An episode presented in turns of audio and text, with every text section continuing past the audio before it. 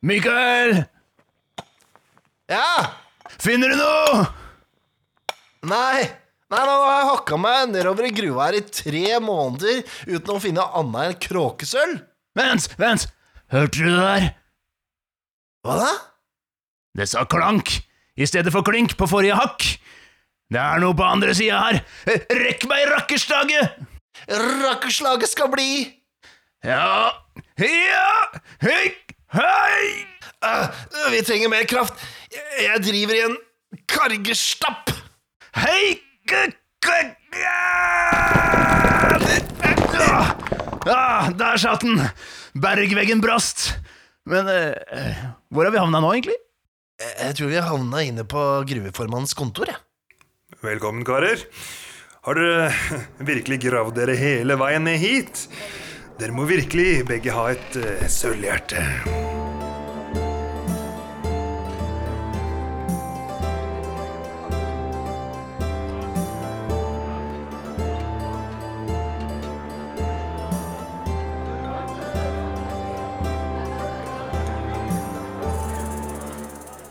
Hei, og velkommen til Vertshuset. Jeg er Nikolai Krogshus Strøm, og i dag sitter jeg her sammen med to stykker, ikke bare én. Ved min side her har jeg min eh, trofaste makker. Mikael Stensen Solien. Og på besøk her i Vertshuset i dag har vi eh, spillskaper Carl Otto. Hallo. Takk for at jeg får eh, komme og prate litt. Det er veldig hyggelig. Ja, vi, vi hakka oss nedover, så vi har hakka oss nedover under kjelleren til eh, munkene vi nå, for å komme oss eh, ned dit hvor vi kan prate med deg, inne på gruvemesterens kontor. Ja da, ja, det er ganske trivelig her. Har vi fyrt opp noen talglamper og litt sånn, så her skal vi få det trevelig. Ikke sant? Fordi du, talglamper, ikke sant? Er, du har fått inn litt sånn lingo, du nå, sånn der gruvelingo, som eh, vi alle trenger. Ja, stemmer. Jeg har prøvd å bake det inn, da. Så um, får se om jeg klarer å få spre det glade budskap. Du er en slags autoritet på, på hva skal jeg si, tematikken akkurat nå. Ja, jeg er jo sjølveste kongs Kongsberglosen, så Vi skal jo, dype, vi skal jo dypdykke i det nye spillet som du har skrevet i dag, Sølvhjerte. Mm. Og du har jo også skrevet et annet rollespill, Kvad, så du har vært her og prata om det før. Eh, Men eh, jeg tenkte før vi liksom går skikkelig inn i materien, så kan vi høre litt, Åssen går det med dere? Hvordan går det med dere om dagen? Det har gått skikkelig dritt for meg. at det, jeg hatt det så jævlig, jeg. Ligger ute med feber i, i Ja, jeg var begynte vel på søndag kveld. Altså, nå ikke sant, Jeg må ikke avsløre hvordan dette spilles inn, men uh, det var iallfall Jo da. Søn, forrige søndag kveld og flatt ut i tre dager, da. Og jeg syns så synd på meg selv, vet du. Jeg er den verste personen å være rundt hvis jeg er syk. Jeg ligger bare og akker meg. Jeg takler ingenting, jeg. Jeg lå bare og så på filmer. Uff. Og liksom åh, frøys og hadde det jævlig. Så det har jeg gjort, da. Ja, Du har ligget rett ut, rett og slett. Jeg ligger rett ut, ja. Ja. Mm. Ja, ikke bra. Sjøl så har jeg det kjempebra. Jeg har begynt å bake brød, jeg, Mikael. Ja, det, Det er en ny ting. det er, det Det er er nye ting som har skjedd i huset mitt. Det er spenstig, da. Du, jeg, jeg lager tre matpakker hver eneste dag, pluss eh, frokost og kveldsmat og alt mulig. Det går så mye brød. Ja, du har sett, du har sett brød, brødbudsjettet er litt høyt. Brødbudsjettet er, er, fra helvete. Altså, unnskyld meg. Altså, jeg husker i en tid Da kosta det ikke 46 kroner for et litt godt eh, brød. Da var det liksom oppi Da var det nede i 20-tallet. Ja. Det, det var rimelig nok. Men det er 50 kroners brød for, som blir liksom tørt etter en dag Fytti helvete! ja, ganske Ikke sant? vilt. Ja, det er det jeg sa. Men jeg må bare spørre, Nikolai, eh, hvor mange baker du da, og når er det liksom du hjem din? Er det på søndagen, eller åssen er det du gjør det? Eh, Da baker jeg på kvelden, altså dagen før. baker jeg to brød. Da går det en eh, kilo mel omtrent, to forskjellige meltyper, og så litt gjær. Så står det over natta og hever. Og så setter jeg det ovnen på morgenen, da, ikke sant. Så er det klart å lage matpakker og frokost og alt mulig rart. Ja, nice. Og så tar det ene brødet går i fryseren, i sånne småskiver. Ja, smart ferdig preppa, så det er bare å slenge det i mikroen, holdt jeg på å si. Yes, bare Jeg smører de faktisk eh, det her er, nå, nå går vi technical eh, til verks her. Jeg tar og smører de i frossen tilstand, sånn at de gradvis tiner i løpet av dagen. Sånn at når kiden skal spise de, så er de akkurat passe myke. Ah, ja, det er smart. Dette her høres ut som en konspirasjon, for å liksom få oss inn på det liksom helt annen Altså inn på hobby, hjem og fritid-seksjonen på iTunes. Er det det du driver med, Nikolai? Jeg prøver å få den podkasten her liksom, Dra den gradvis litt inn i sånn der hus og hjem-pod. Skal skal vi liksom konkurrere med Finn Schjøll eller noe sånt? Er det det du driver med? Finn Schjøll tror jeg ikke lager så mye matpakker, men uh, Nei, det gjør det ikke, sikkert ikke. Hvem vet? Hvem vet? hvem vet. Åssen går det hjemme hos deg da om dagen, eh, Carlotto? Jo, takk som spør. Nå i helga, eller eh, ja, Nylig så hadde vi barnebursdag. Første barnebursdagen til eh, dattera som ble fem. Så det var jo artig. Hun fikk et, eh, et livesverd av meg som hun har gått rundt og drept drager med og sånn. Så det er jo artig, da. Ellers så har det vært litt sånn ventemodus på å få alle tinga til Sølvhjerte, da. Så Mm. esker og bøker og sånt noe fra trykkeri. Og så ja, Ellers så har jeg blitt med i Manaheim, da, som er sånn lokal eh, spillarena her på Kongsberg. Som vi prøver, jeg prøver å være med å dra lasset på rollespillsida. Og på en måte dyrke opp et eh, rollespillmiljø her som jeg opplevde at jeg ikke hadde på samme måte da når jeg vokste opp. Så prøver å investere en del energi i det.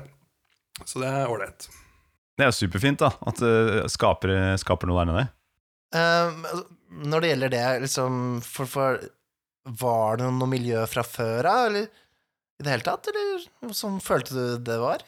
Uh, ja, altså veldig spredd, opplevde jeg. Um, Mm. Så jeg tror det er veldig sånn Eller min opplevelse var at folk satt hjemme i, i kjellerne sine og spilte veldig atskilt. Og så var det noen tiltak underveis med noen brettspillklubber og litt forskjellig, men eh, ikke noe som var lett tilgjengelig. Dette var jo før sosiale medier òg, så det var ikke sånn at man eh, visste om det nødvendigvis. Men eh, ja, nå som vi har sosiale medier og eh, en arena, så prøver vi i hvert fall å, hvert fall å spre det glade budskap. Så Er, men er det liksom Er det, er det det og det alle vil spille, eller er det liksom Eller er det Siden du liksom får tatt det med rota her litt, Jan, er det, ja, ja, ja, bra det. liksom Nei, mm, ja, det har vært DOD og Pathfinder 2 har vært sånn relativt jevnt. Og så har det vært innslag av andre spill, da. Med, naturlig nok eh, Kvad. Både jeg som har leda, men også andre som har eh, eh, tatt i seg motet å være spilleder for første gang, da. eh, Med Quad som system, så det er jo gøy. Ja, det er kult. Ja, Det er rått, da. Det, det syns jeg var veldig moro.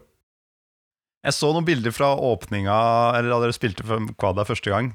Du hadde lagt ut noe på nett. Det var noen eh, seriøse vikinger som hadde møtt opp der da. Ja, det var kult. Jeg, jeg er jo jeg er også med i um, Kongsberg viking- og middelalderlag, sånn på sida, som støttemedlem, da. Um, og da fikk jeg låne inn et par av de krigerne derfra. Så da stilte de opp i full mundur, da. Og så hadde vi et sånt event, kvad-event.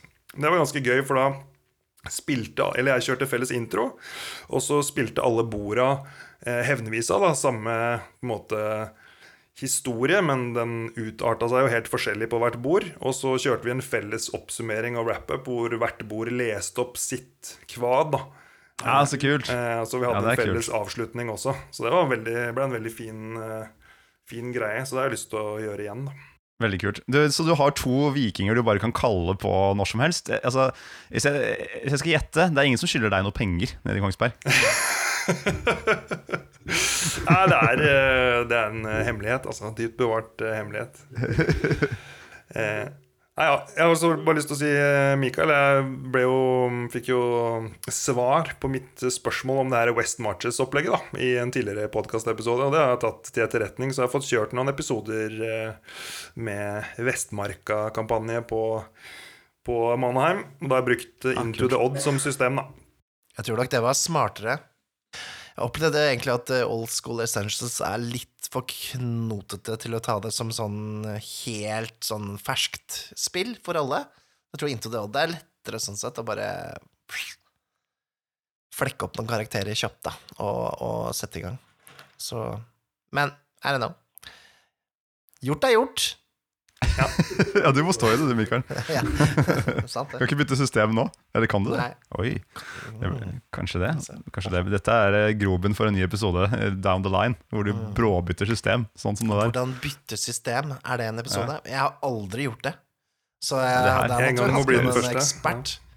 Ja. Hatt med en ekspert. Noen som har spilt alle editions av DOD, men samme kampanje. ja, det måtte vi hatt med. En skikkelig gammel Surlik.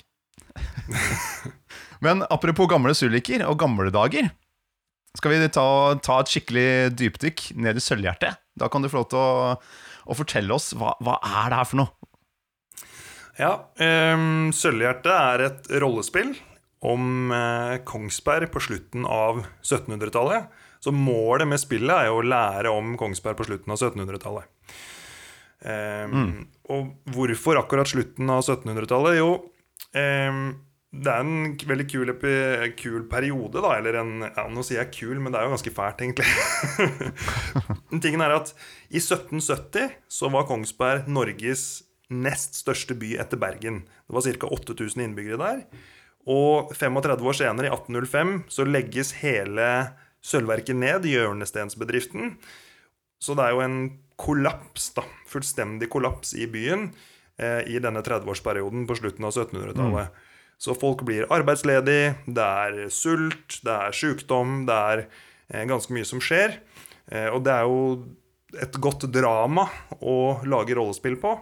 Og dermed så er lagt rollespillet til den perioden, da. Mm. Så kult. Spiller, når du spiller, eh, spiller du liksom i hele perioden? Eller er det sånn at eh, du spiller etter fallet, på en måte? Eller er det, hvor, hvor legger du deg? Ja, nei, det er i opptakten til fallet, da. Ja, så det er den frykten for at uh, sølvverket skal legges ned. Um, ja, og det kunne jeg for så vidt sagt, da, at uh, Kongsberg er jo tufta på eh, sølvgruvene. At det ble funnet sølv i 1623. Ehm, og så ble byen etablert i 1624. Så i år, da, i 2024, så er det 400-årsjubileum. Og det er jo også litt av eh, grunnen til at dette spillet har blitt til. Så Ja, nettopp. For du, du pitcha dette spillet til Kongsberg kommune, eller? Var det, det er sånn jeg forstår det? ja, stemmer det. A ballsy move, da. Ja, ja, det er kanskje det. Altså, jeg tenker Det verste man får, er jo et nei, da. Så det er verdt å prøve. Det tenker jeg mange bør ta til sitt sølvhjerte. At eh, det verste som skjer, er at du får et nei, og så er det liksom yeah, yeah. Ja. Eh, for det er jo, du er jo et levende eksempel på, på det, opptil flere ganger her. Hva, hva var det som trigga på en måte at du, at du gjorde det i det hele tatt? da? Altså, det er jo mange som bor i Kongsberg som ikke har eh, tenkt at hei, kanskje jeg skal skrive et rollespill om eh, sølvverk og pitche det til kommunen. Nei. Hva var det som liksom satte i gang gnisten her? Ja, det er summen av flere ting. Er, jeg hadde jo skrevet kvad fra før, og hadde fått litt eh, kall det både erfaring og, og selvtillit med utviklingen av rollespill. Em, så i og med at det nærma seg 400-årsjubileum, så var det flere liksom nær familie som tenkte ja, kanskje du skulle gjort noe med kvad eller gjort noe rollespillgreier i forbindelse med jubileet. da. Så det var litt sånn positiv oppmuntring fra den ene siden. Og fra andre siden, så på daværende tidspunkt så var det ikke så lenge siden jeg hadde flytta hjem til Kongsberg igjen. Jeg er jo opprinnelig fra Kongsberg. Eh, og så ble det en 12-13 år utenlands og uten bys før jeg flytta hjem igjen. Og da når jeg flytta hjem igjen, så ble jeg litt sånn nysgjerrig på, på lokalmiljøet da, og lokalhistorien igjen. Ehm, ja, og de to tingene i sum, det gjorde at jeg fikk det for meg, da, tror jeg, å skrive et rollespill om, eh, som kanskje kommunen kunne ha nytte av. At det kunne brukes som et verktøy for læring i skolen eller tilsvarende. Og det var jo pitchen min, og de, de blei veldig begeistra for det. Så det setter jeg pris på. Måtte du forklare hva rollespill var for noe for disse folka her? For jeg, det er jo ikke sånn, Man forventer jo ikke akkurat at folk i kommunen liksom bare skal eh, bite på et sånn høytflyvende konsept som rollespill nødvendigvis. Nei, det er morsomt at du sier det, fordi vi skrev jo innledningsvis noen mailer eh, før eh, vi møttes fysisk, da. Og da, selv om jeg liker å tro at jeg forklarte det eh, relativt tydelig da, på mail, så forsto de ikke hva rollespill var før jeg kjørte en demo på det møtet. Så inntil da så hadde de trodd at det handla om å kle seg ut og gå rundt i skogen, eller at det kanskje var noe sånn teater eller noe sånt. Eh, Alle tror det, ass. Det Ja. er faen meg en klassiker. det er, det, er, Det- er er- klassiker, så det er litt sånn ja, Begrepet rollespill er litt sånn Jeg vet ikke. Det er litt sånn tvetydig følelse rundt det, da. Jeg føler ikke at det er Ja, ja. godt nok, kanskje. Men så sa jeg liksom Jeg så at de satt og kikka og smilte, og på en måte, men kanskje ikke hadde helt kontroll på hva jeg sa. Så foreslo jeg da at vet du, jeg, jeg tror vi, vi kjører en liten demo. Og så satte jeg en situasjon eh, som de tok stilling til. Da, ikke sant? Sånn typisk sånn dere eh, går fra A til B, og på veien dit så møter dere noen, da, selvfølgelig med innlevelse og sånn. Og så spør jeg hva gjør dere? Eh, og så Oi, kult, kan vi gjøre hva som helst, liksom? Ja, ja. Eh, og så diskuterer de litt eh, sammen, og så tar et valg. Og da drar jeg fram terningen og sier ok, trill høyt, så lykkes dere, og trill lavt, så mislykkes dere. Og så trilla de terning, og så er det den magien da, hvor du ser at folk begynner å lene seg fremover på bordet. ikke sant? At du bare, De lener seg inn i historien og inn i det som skjer. Eh, og da, eh, da klikka det, holdt jeg på å si, i positiv forstand, at da falt det på plass. Og de forsto hva dette handlet om. Og da ble de enda mer begeistra. Så eh, da, da så de veldig tydelig for seg hvordan det her kunne bli brukt i, i skolen, da, når de fikk den opplevelsen. Mm. Ikke sant? Det er, det, er, det er nesten umulig å liksom Holdt jeg på å si kanskje feil ord, men penetrere liksom Den derre forutinntattheten, da. Eller det er ikke forutinntatthet heller. Det er bare sånn Man bare forstår ikke at det er et spill, eller altså det, altså det er så mange ting der som er i veien, da. Mm. Ja, det er som å forklare hvordan, du, hvordan det er å kjøre en bil til noen som aldri har kjørt i en bil. sikkert Du må liksom få den rumpa inn i det setet. Så du skjønner det. Ja, så må man velge ut hvor man Altså, hva skal man legge vekt på. Nei, det er bra du gjorde det, da. så det er vanskelig, men eh, jeg er veldig glad for det. Og eh, ja, siden da så eh, ja, ble vi egentlig enige om å, å møtes igjen, hvor jeg la fram en slags utviklingsplan og planla det prosjektet her, og presenterte det for de. Og så var de fornøyd med det, og da skrev jeg en intensjonsavtale. Og så seinere da en fullverdig avtale om, om at dette skulle bli virkelighet. Så Her, det her har jeg inntrykk av uh, at du er ganske god på. Det å skrive en sånn prosjektplan, for. Det, det er sånn jeg har inntrykk av at jeg god på. Er det noe du, som kanskje du jobber litt med, eller som du, som du har litt i fingra fra før? Ja, um, det, ligger i, det ligger nok litt i fingrene. Det er uh, utdanna i Forsvaret og har jobba mesteparten av tiden i Forsvaret.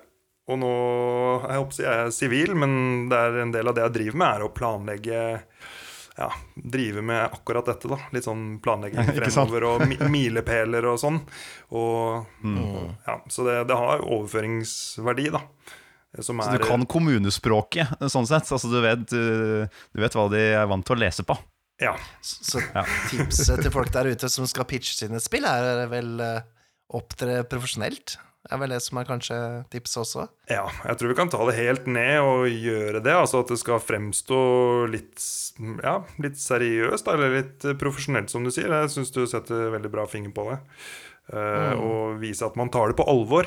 For det er jo liksom litt som med spill, ikke sant, og, og rollespill, at liksom Kanskje en av de tingene man tenker at dette er jo eh, litt eh, tullete, det er kanskje ikke noe seriøst, men når man møter noen som er som virkelig viser at oi, shit, her har man tenkt gjennom sakene, og, og den slags, så slår det jo litt kraftigere ned, da. Ja, Det gjør det. Innledningsvis så mm, kalte jeg det konsekvent for et pedagogisk rollespill. Um, oh, ja. For at det skulle på en måte tunes inn mot skole. Um, Mm. Det har jeg tatt bort etter hvert igjen, men jeg er glad jeg brukte det begrepet innledningsvis, for da høres det med en gang eh, mer sånn faglig retta ut. da. Eh, tar det litt Det ut jo- av lek og moro, og litt mer inn mot, uh, mot utdanning. Ja. Ja, du vil jo kanskje ikke ha det stående liksom nødvendigvis på boka, men det, det er jo en del av det, sikkert. Altså, Ja. Vi har jo eh, Dragpust har jo en, en, en del som handler om å spille med barn, men vi skriver ikke rollespill for barn på fronten, selv om det er et salgsargument, på en måte. Så mm, ja, jeg ser den. Det var vel også det som kanskje hjalp oss også, at vi, vi tenkte litt i samme gata. Eh, jeg har også nevnt det før også, at jeg jobba i plateselskap. Eller jeg hadde et plateselskap. Og det kommer jo mye demoer, men det er liksom når du får liksom veldig mange av dem, så er det jo de som presenterer seg selv og musikken da, på en seriøs måte, som stikker seg ut, da, i positiv eh, forstand. Så det er jo, det er jo, det er jo som en jobbsøknad, altså. Det er jo Nå fikk jeg opp et eh, bilde av at du satt ved siden av Simon Cowell i en sånn Idol-dommerpanel eller noe. Så. Sigar! nei, nei, men, nei, men det er jo sånn, herregud, du får jo altså Ja, altså den, den romantiske ideen om at du liksom legger ned en sånn der brent CD-plate hvor du har skrevet på for hånd bare track one, liksom. Leverer inn den, og så hører de på den, og så bare Å, søren, det her er så bra at det her må vi ha. Ikke sant? Det er det man, det er det man vil, men selvfølgelig er ikke Ja. når du sitter der og skal ta imot, så det er ikke det som funker best. Ja. De de når jo sikkert noen til slutt uansett, ikke sant. Så um, du vil jo gjerne ha noen som du orker å samarbeide med, ikke sant. Det er jo det som er. Ja, nei, jeg kan jo bare si litt mer om selve planen da, på en måte som jeg la frem. At jeg hadde sett for meg en, eh, ja, fire faser. At dette skulle utvikles over ca. et år. Hvor jeg da hadde sett for meg tre måneder per, per fase. Hvor det med Jeg la frem at jeg skulle starte med konseptutvikling og research. Altså lese bøker og eh, artikler og besøke steder og sånt noe. Og samle inn informasjon. Eh, og så neste fase var å skrive førsteutkast. og måte, ja, få på plass et førsteutkast. Og så var det tredje fase, som var spilltesting. Og prøve det her ut i praksis, om det funker eller ikke. Og revidere, eh, revidere teksten, da, basert på både korrekturlesing og eh, data som er samla inn fra eh, spilltestinga. Og til slutt da produksjonsdelen, som handla om ja, trykk av eh, bøker og oppfølging og design og den biten der. Um, og der budsjetterte jeg 400 timer til, som var litt sånn eh, ja, våt finger i været, basert på det jeg gjorde med Kvad. For jeg dokumenterte også ganske bra der. Og så brøyt jeg det ned i, i enda flere sånn underposter. Da. Men jeg tenker, jeg tenker at det blir litt for teknisk nå. Men sånn i prinsippet så i hvert fall budsjetterte jeg med 400 timer og fire faser. Ja. 400 timer per del, og så underdeler der, da. Ja. Nettopp. Jeg har lyst til å høre litt på om research-biten, jeg. Mm. Uh, for det er jo en krevende jobb. Og som sånn fantasirollepillutvikler som jeg og Nikolai er, da, som ikke trenger å uh, blande inn noe fakta, egentlig, sånn egentlig uh, ble, er det, var, det, var det motivert hele veien, eller stampa det imot, liksom sånn? For det er jo liksom sånn Det jo, kan jo være litt tørt. Ja, ja, absolutt. Det er sånn, Jeg var nyforelska i starten, og så var det perioder med sånn grinding, altså. Det var det. Eh, Om å komme seg gjennom ulike materiale. Men eh, altså, jeg var motivert hele veien, fordi det var et ganske konsentrert prosjekt. Men, men det var også krevende å sette seg inn i alt, da. I, I perioder, det var det. Det var jo den berømte andreplata, så det er jo på en måte litt sånn Du hadde jo litt erfaring fra før. Eh, Merka du at det hjalp, måte, å ha gjort jobben tidligere med Quad? Veldig. Det hjalp veldig. Jeg hadde vært gjennom prosessen en gang før, så jeg hadde en idé om hvordan det skulle foregå. Og nettopp derfor tror jeg jeg klarte å eh, ja, tenke ut de her ulike fasene, da, for det var på en måte det som skjedde sist. Og så hadde jeg lavere skuldre på en eller annen måte, fordi jeg følte ikke at jeg hadde like mye å bevise eh, ovenfor ja, rollespillmiljøet, på en måte. Nå, jeg skriver det for kommunen, og for at jeg skal synes det er, bra eller ålreit. Og så ja, Jeg vet ikke. Jeg hadde i hvert fall litt lavere skuldre, da, som var mer komfortabelt å jobbe med. Det følte jeg. Så det var fint. Jeg føler, jeg føler litt at du har snikskrevet et rollespill. Litt sånn uten, under radaren på et vis. For at det er sånn derre Jeg bare skriver det for kommunen litt sånn på snei på sida her. Ja, det er ikke noe, ikke noe tenk, på, ikke tenk på meg. Og så bare Mørn! Så har du smelt sammen en hel jævla bok. Og klar til utgivelse, liksom. Ja, det blei jo det, da. Men det er jo sikkert eh, fordi det har gått over Kall det bare et år, da. Så har det gått ganske fort i svingene, sånn sett.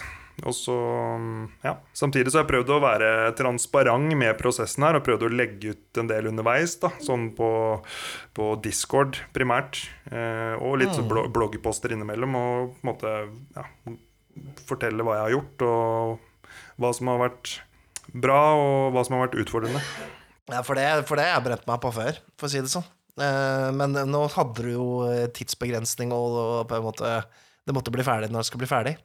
Ja. Men eh, annonsere et spill, og så liksom eh, begynne å oppdatere og si hva du skal skrive, og så aldri gjøre det, det er, det er skikkelig sånn eh, Det er lurmus. Det er Det er kjent materie. Det er mange som har gjort det. Ja, det er vel kanskje. Det er klassikeren, det. Det er klassikeren, det. Ja. Det er mange, mange, mange drømte rollespill der ute. Så, Ja. så jeg finner jo at det er bedre å holde, holde tett i brystet, men eh, akkurat her så er det jo liksom en litt annen ting, da. Ja, jeg tror, du, men jeg tror du setter fingeren på noe bra der. At det er det å ha en tidsbegrensning. Altså Nå skulle det være ute til eh, 28. februar. Da, skal, da er lansering. Punktum. Og så er- gjelder det å hoppsi, reverse engineer planen derfra. Og på et tidspunkt da så må må jeg si at, eller akseptere boka slik den er, og tenke at det er godt nok. Um, og det gjorde jeg, da. Så det er flere ting som jeg ser at jeg kunne kanskje gjort litt annerledes eller ønsket å ta med, men som jeg ikke eh, fikk tid til og prioriterte bort. da Men eh, det er en fin øvelse i seg sjøl, det også, å, å prioritere hva man anser som viktigst. Det må man gjøre uansett, har jeg liksom eh, erfaring med etter hvert. At eh, samme hvor lang tidslinje du har, hvis det på en måte er en eller annen deadline, så må du på et eller annet punkt bare sånn Men du, nå, nå er det godt nok. Og man kan, alle, man kan sitte og finpusse og fintune og holde på og kanskje ja, man kan, Det kan man gjøre hele livet. Ass. Altså, Jeg kan eh, bare referere til broren min. Han er figurativ kunstner. Han har hatt en utstilling med masse vikingbilder, for, forresten. Um, og, så, og det er svære bilder, liksom. Og han blir jo aldri ferdig. Så når den skal flyttes til neste sted, så er det sånn ah, Jeg skal bare ta en liten jeg, der, jeg skal bare ha litt mer på nesa til han fyren der, og så må litt bakgrunn, der må vi ha på litt mer grønt. Ikke sant? Han, blir jo, han holder jo på for evig. Så jeg, jeg, jeg, tror det er kjent materie for alle som lager kreative produkter. Ass. Ja, men Kan jeg riffe litt på det og spørre åssen det er med dragepust nå? da? Er det på en måte, har dere, Kjenner dere på den der trangen til å skulle bare fikse litt og litt og litt, eller er det der hvor dere liksom er på cutoff? Nei, det er ikke noe, det er ikke noe mer. Det er liksom Mikael som har vært sjuk i tre dager. Ja, jeg har vært sjuk i tre dager, men orker ikke. Nei, nei, men altså, det er litt sånn derre Det er liksom 100 000 forskjellige meninger om hva som er et Hva som skal være med et bra rollespill. Så hvis du skal liksom ta hensyn til alt det der, så ender du opp med et veldig sånn Vet ikke hva jeg si Et, et, et sånn bland produkt, da. Så jeg tror, det, jeg tror det er litt sånn eh, Det er sånn eh, Det er bedre å gå i, gå i studio liksom med liveinstrumenter og spille inn live enn å, enn å liksom være Toto. Det var musikerens forklaring. Nei, men jeg kan kjenne, jeg kan kjenne det litt igjen. Altså, da, vi, vi har jo nå mm, Vi har jo nevnt litt sånn på Discord og litt her og der også at vi, vi har jo Det ble jo balla jo på seg med litt tilleggsprodukter, så vi har jo jobbet mye med å på en måte mm, gjøre de ferdige, da, ikke sant. Og det har jo kanskje trukket eh, fjeset vårt litt vekk fra hovedboka, som vi nå har på en måte Den har vi levert. Vær så god, forlag. Eh, Men senest tidligere i dag så kikka jeg jo litt en ekstra runde bare på rollelagingskapittelet. Om det var ja, var det, skulle vi fintuna litt her, da? Ikke sant? Ja, men, men så etter å ha lest på det, så bare Nei, nei det, er, det, er, det er greit. Det er greit. Så if it ain't broken, don't fix it. Det er jo eh, det. Er jo det. Nå har jo, det er jo litt sånn nå at vi har jo designa oss liksom ut av breddene til rollespillet, og så kutta det ned igjen, ikke sant? Mm. Vet ikke hva som du har holdt på, men det er vel et eller annet sånn der designerhuet ditt begynner å tenke liksom Å, om vi har et sånt system for det her? Hva om vi hva om, Å, dette her er veldig originalt. Dette er veldig spennende. Kult. Eh, og så bare baller det på seg til noe uspillbart jævelskap, og så er det sånn, vet du hva, så kutter du ned det som bare er litt sånn egotripping eller eh, hva skal jeg si, ja, regelfleksing eller Ja, et Det eller der er jo egentlig en veldig fin overgang til å få høre litt om eh, systemet da, til uh, Sølvhjerte. Mhm. Mm. Ja, det er, det er veldig Det er veldig enkelt. Det handler om eh, å kaste et handlingskast når det er noe som eh, man ønsker å få til, eller det er noe risiko.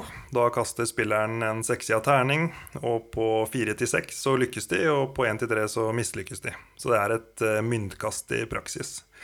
Ehm, og hvis de planlegger godt, så sier spillederen bare ja. Og hvis det er en øh, si, umulig handling, så sier spillederen nei. Så det er ikke noe plusser og minuser. Det er på en måte bare den menneskelige variabelen med at man lykkes eller mislykkes i midten. Og på ene siden så er det ja, og på andre siden er det helt nei. Så det er That's it. Eh, og det kan man forklare til en, eh, et barn eller en ungdom på, på fem sekunder. Ikke sant? Det er liksom en tvilskast. Hvis det er, hvis det er i tvil på om det lykkes eller feiler automatisk, så er det kast, liksom. Ja, eller Ja, det er bare Ja, du prøver å hoppe over dette stedet, kaste et uh, handlingskast, og du lykkes eller Enten så lykkes du, eller så mislykkes du, og så tas historien videre derifra. Og det er um, Det er veldig enkelt, men det er veldig effektivt. Det er det jeg merka at jeg utforska mange ideer, da. Det kan jeg jo si. Jeg utforska bare kikka i den der notatboka som jeg har, da, som jeg har begynt å utvikle på en måte ideene i. Og her ser jeg at jeg har eh, rolleutvikling, ti nivåer, spørsmålstegn. Én oppdagelse er lik én XP, og utforsker det. Og så ulike eh, helsepoeng i forbindelse med ulik nivåøkning. Og fire måte, attributes, da, styrke, smidighet, kløkt, intellekt og, og tilsvarende. Og begynte å designe med det som utgangspunkt, men ja, til slutt så bare kutta jeg egentlig det meste der, og fant ut at jeg gikk tilbake til eh, Når jeg sto og pitcha kvad på noen sånne eh, vikingmarkeder tidligere, så hadde jeg sånn eh, drop-in-rollespill. da Så jeg sto der ved boden min, og så var det sånn Hei, har du hørt om rollespill før? Så bare Nei, kult, hva er det? Ok, se for deg følgende. Eh, du står foran erkefienden din. Eh, han har en blodig øks, og bak der ligger eh, broren din. Hva gjør du? Eh, jeg vil slå han. Ok, ta den terningen her. Triller du høyt, så lykkes du. Triller du lavt, så mislykkes du. Ok. Ja, du triller lavt. Eh, du svinger øksa mot han. Han dukker under og hugger deg i låret. Hva gjør du nå? Og så bare at det spinner videre derfra. Og på Det krever ingen forklaring. Da. Det er veldig intuitivt. Så mm, det er også opplevd under spilltestinga at det fungerer veldig bra.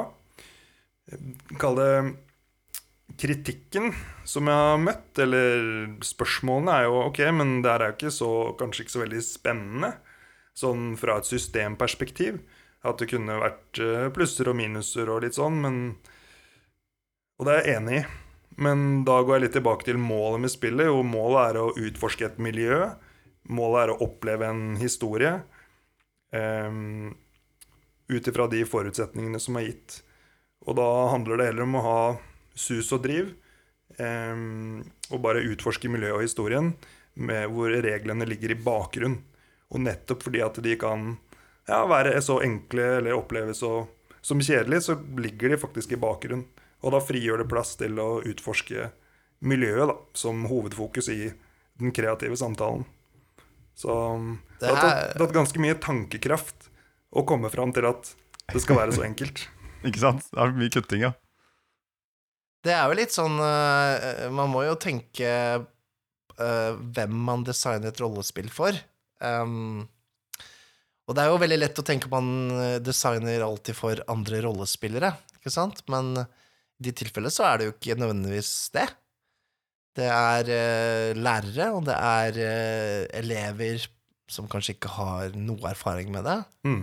Um, og da er det jo liksom Da, da gjelder det ikke om du liksom har PBTA-tendenser eller liksom uh, Altså, hva skal jeg si Du har disse tingene da, som vi snakker om på forum, ikke sant, som er um, um, on the bleeding edge of uh, rollespillteori. Det er jo det er jo snakk om å vite hvem man designer for, og, uh, og den slags. Og det, vi har jo også måttet gjøre et par sånne vurderinger selv. Mm. Så det er jo ikke sånn at vi nødvendigvis designer bare for de som har spilt rollespill i 20-30 år.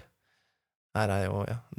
Det skal være inngangsportal, og Ja. da er det liksom viktig å se det som en som, eh, som også en målgruppa, da. Mm.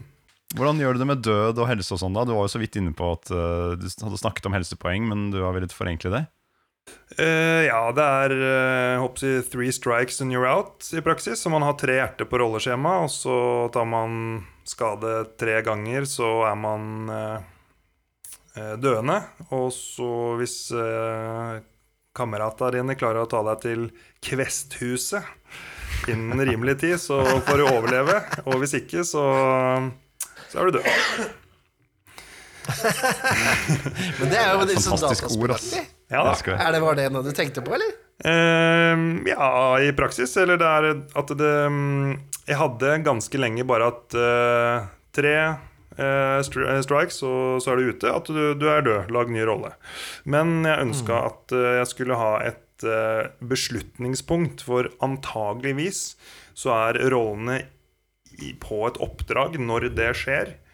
Og da må de ta et valg da, om de skal ta eh, makkeren sin tilbake til sykehuset, som da het Kvesthuset, eller om de skal fortsette oppdraget og, og på bekostning av denne rollen. Og det er, er et eh, interesting decision point på godt nynorsk. Ikke sant? Men det er kult. Så all skade er liksom én skade. Om du får, hvis du blir truffet av eh, en stein, så får du en Ja, liksom. i mm, praksis så er det Eller for det meste så er det det. Jeg har lagt inn noen nyanser. Da, hvis man blir eh, skutt av en eh, rifle, så tar det litt mer. Og så hvis man blir skutt av en kanon, så er det tre skader med en gang. Eller noe sånt. Ja. Men eh, ja, Så det er noen nyanser der, da. Men sånn hvis jeg skulle spilt med elever sånn for første gang, så ville jeg bare sagt én til én. Så Mm. er det mer mulighet til å ha litt flere nyanser. Kult.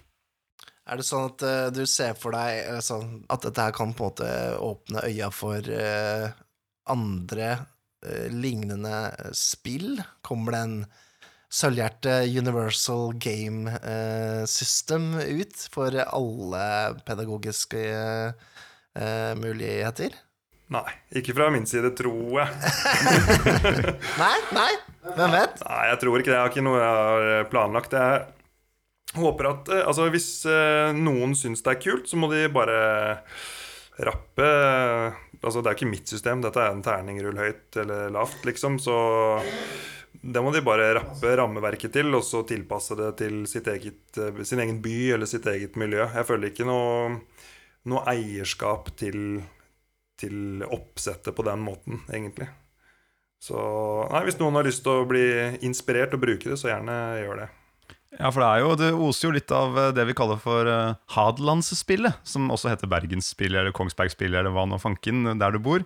Som ligner litt på Monopol, men hvor du kjøper aksjer i uh, bygninger fra hjembygda di istedenfor. Ah, ja, stemmer det. Jeg har ikke Ja. spilt det, men jeg har hørt om det. Det er en sånn gammel brun pakke som ligger i alle foreldres hus, tror jeg. Ja. Eh, som heter et eller annet der du kommer fra-spillet.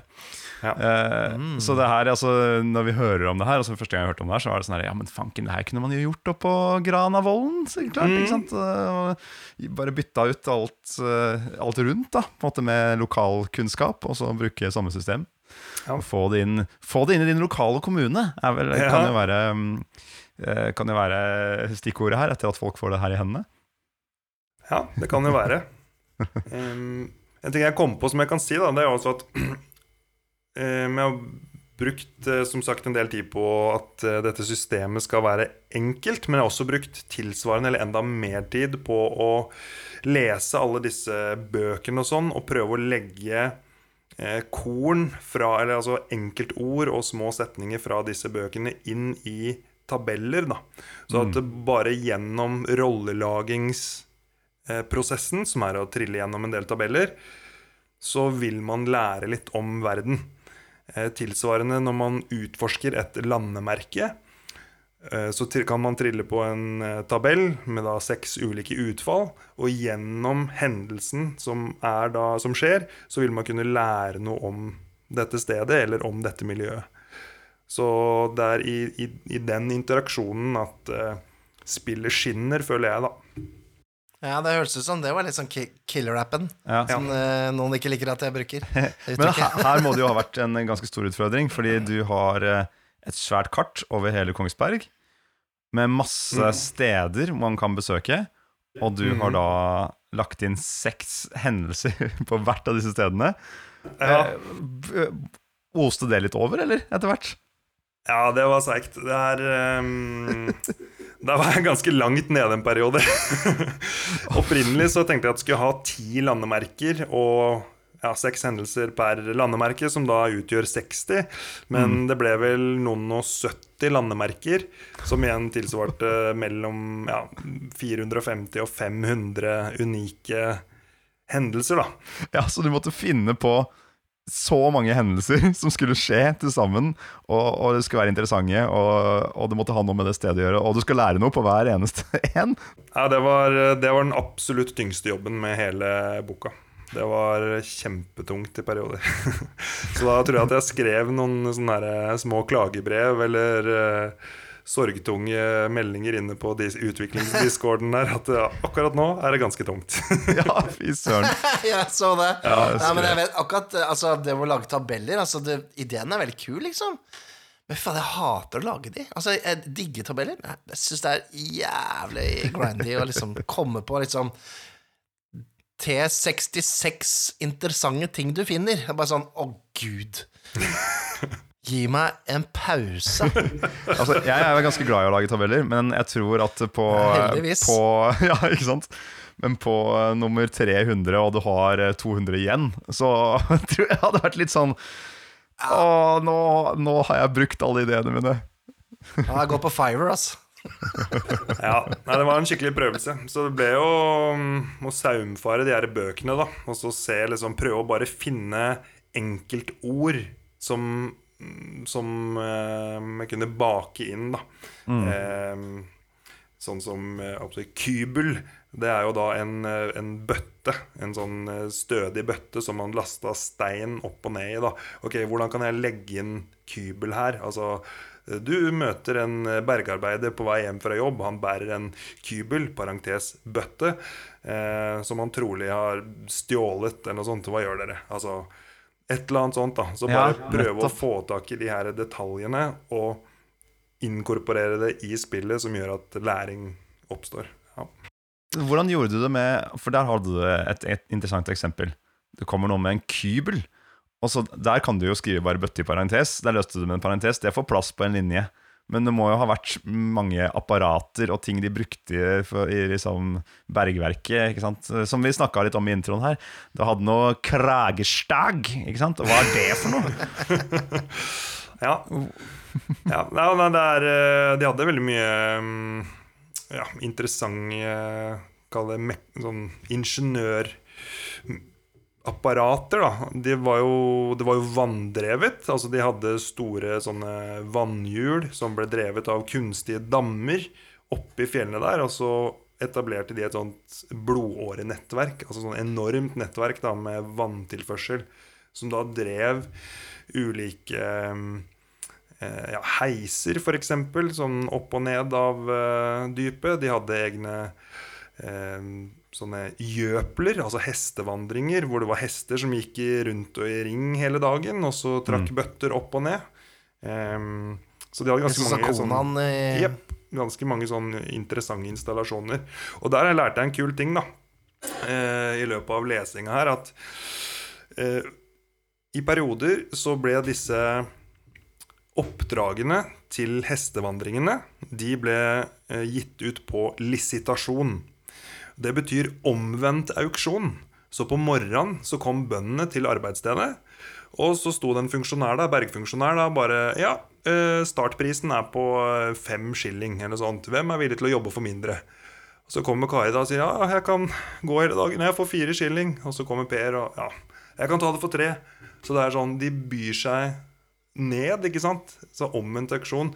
Så de mm, de her bergverket de tjente jo på det, sånn sett da men det er jo kjipt for bøndene som noen var desperate etter penger, så da jobba de for ganske bedrøvelige summer eh, i store perioder. da Ah, Og er risikerte livet sitt, så klart. Ja. Det er kapitalisme i nøtteskall. Det er anbudsrunder, det her, eh, for å si det sånn. Ja. Yes. Nei, men jeg, jeg tenker jo litt på det. Altså, det har jo vært det som jeg har stikket ut for meg da når du har presentert dette her, at det har en det er en litt sånn OSR-inspirasjon med disse tabellene, men også litt sånn derre fordi eh, både jeg og Nicolai er veldig fan av Mørk Borg, og i Mørk Borg så er det på en måte Mye av settingen ligger i tabellene, ikke sant? Eh, flavor. Flavor i tabellene. Men også eh, Dark Souls-spillene, hvor eh, Det er blir litt søkt, men det er også litt sånn item descriptions på ting du plukker opp, som forteller om verden.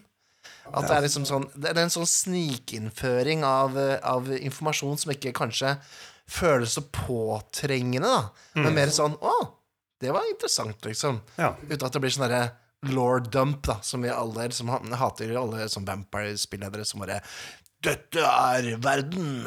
Ja. Det hørtes jo Ja, du forklarte det på en veldig fin måte. Jeg håper jeg har klart å At jeg har klart å gjøre det på samme måte. Da. At det formidles på en måte som er litt ålreit. At det ikke er ren lore-dump. Men det vil jo vise seg. Du skal kunne sitte igjen etter Hvis du har spilt Sølvhjerte en times tid, så skal du sitte igjen og ha lært et eller annet om eh, Kongsberg og gruvedriften. Og det Yes. høres jo ut som om det, om det At det er noe du kommer til å klare, da. Ja, jeg, jeg tror det erfaringen så langt gjennom spilltestingen tilsier at det, det er et uh, mål som jeg skal klare å nå. Men da, nå har jeg et interessant spørsmål, eller noe jeg lurte veldig på, i hvert fall, da du snakket om dette første gang. Mm -hmm. uh, og det var jo Det her er jo ikke kanskje et rollespill man skal sitte som, med én spilleder og en to-tre stykker rundt et bord og spille. Du har pitcha det inn som uh, for bruk i skolen. Mm. Hvordan er det man spiller det her når man er lærer og har 30 elever? Yes, det er et veldig godt spørsmål. Og det lurte jeg også på hvordan jeg skulle løse.